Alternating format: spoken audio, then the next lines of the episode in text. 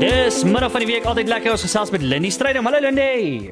Erwin, so ek was gisteroggend by Elios, 'n organisasie wat wonderlike werk in Pretoria Wes doen. Ek was by hulle dankie ontbyt waar Pieter Forre, die CEO van Mergan, die spreker was en ek het met my Groot FM projekte wiki opgeluister, maar sommer ook vir ons gesin want my man was nou toevallig saam met my daar. En dit is altyd vir interessant om te weet wat is 'n organisasie se mandaat en en hoe is daai mandaat gevorm oor tyd?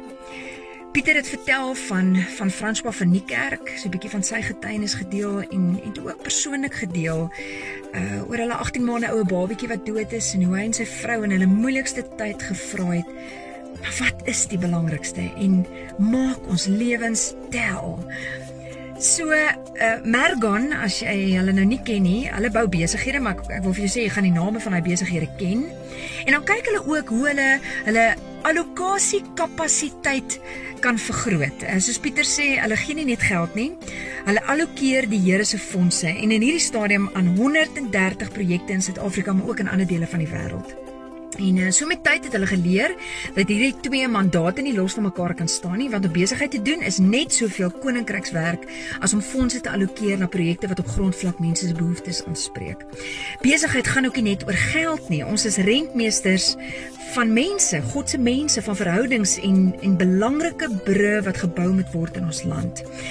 Mergon wil nie net 'n borg wees wat bloot 'n begunstigde befonds nie. Hulle is op soek na vennootskap en as vennote kan ons eerlik wees met mekaar oor ons foute en oor ons failures en en die oomblik wanneer daai oopheid is, maak dit eintlik 'n groter kreatiwiteit los as om net jou beste voetjie te probeer voorsit. Hulle het geleer om nie net hulle finansiële kapitaal te vergroot nie, maar ook hulle verhoudingkapitaal, kenniskapitaal, netwerk en ook invloedkapitaal en en met hierdie soort kapitaal kan hulle iemand nooi of dit nou iemand is uit 'n NPO wêreld of 'n klein entrepreneur, kan jy nooi om 'n probleem na die tafel toe te bring waar hulle saam met jou kan dink skrim. En wat hulle gesien het is dat die wederwysige begrip en insig vir mekaar se wêrelde baie meer van 'n wins was as as net die oplossing aan die einde van die gesprek. Hulle is bereid om van hulle self te gee, om dit nader te waag en om oor te stap om nader te kom want want dan kom die skuwe in ons gedagtes wat so nodig is. So ek luister hierdie gesprek, ek voel so geïnspireerd. Maar ek vra myself af en ek wil jou ook vanmiddag vra.